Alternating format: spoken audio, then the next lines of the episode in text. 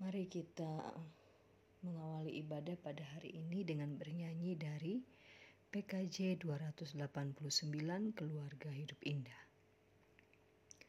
Keluarga hidup indah bila Tuhan di dalamnya dengan kasih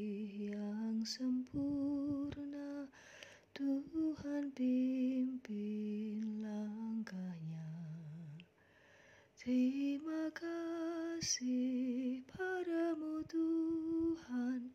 Kau bimbing kami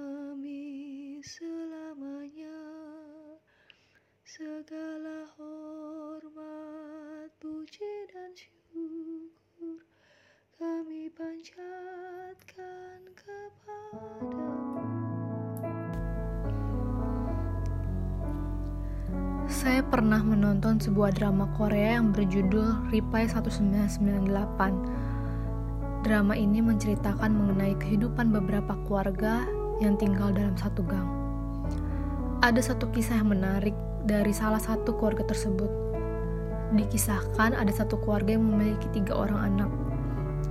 Setiap anak ini memiliki karakter dan kemampuan masing-masing. Anak yang pertama adalah perempuan, ia terkenal karena kepintarannya dan berhasil masuk ke dalam universitas di Seoul. Lalu anak yang kedua adalah perempuan yang memiliki karakter yang mandiri, namun kemampuan akademisnya sangat buruk. Dan anak yang ketiga adalah laki-laki yang memiliki kemampuan dalam bidang musik. Ayah dan ibu mereka tentunya sering sekali membanggakan anaknya yang pertama, karena ia sangatlah pintar dibandingkan dengan anak kedua yang buruk dalam bidang akademis. Kemudian dikisahkan anaknya yang ketiga, ia selalu diajak jajan oleh ayahnya, karena ia adalah satu-satunya anak laki-laki dalam keluarga tersebut. Dan anak yang kedua sering sekali mengalah untuk mengedepankan kebutuhan dari anak pertama dan anak ketiga.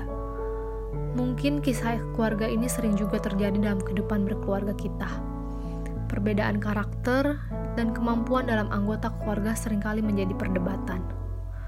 Orang tua yang membandingkan anak atau anak yang lebih sayang kepada salah satu orang tua yang tidak pernah marah dibandingkan dengan orang tua yang sering marah.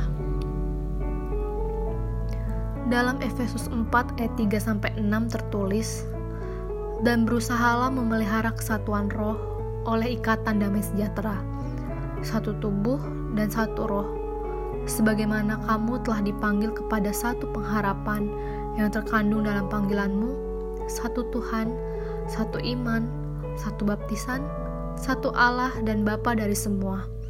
Allah yang di atas semua dan oleh semua dan di dalam semua.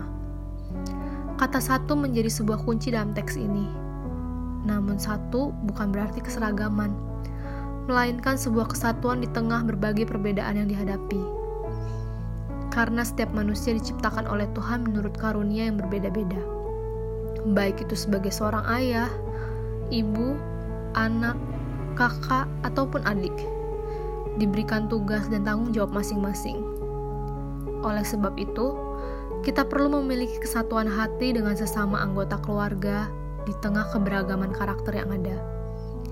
Kita dipanggil oleh Kristus untuk menjadi satu tubuh, satu roh, satu Tuhan, satu iman, satu baptisan, satu Allah dan Bapa dari semua.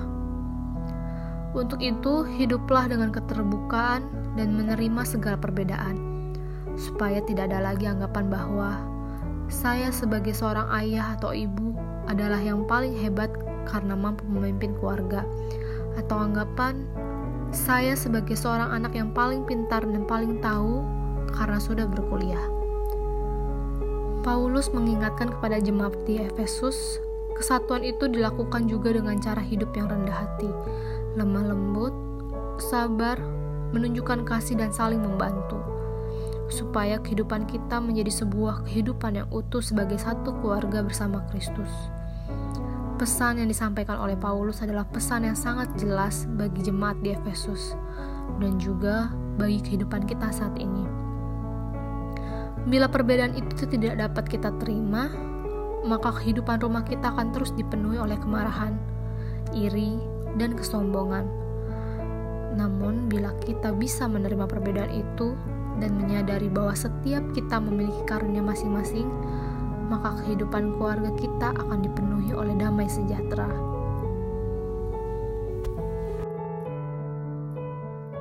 Mari kita berdoa. Ya Allah, kami mengucap syukur atas keluarga yang telah Engkau berikan dalam kehidupan kami. Kami memohon kiranya Engkau senantiasa membimbing kami untuk saling terbuka dan menerima setiap perbedaan karakter dalam keluarga kami. Amin. Demikianlah renungan kita pada hari ini. Tuhan Yesus memberkati.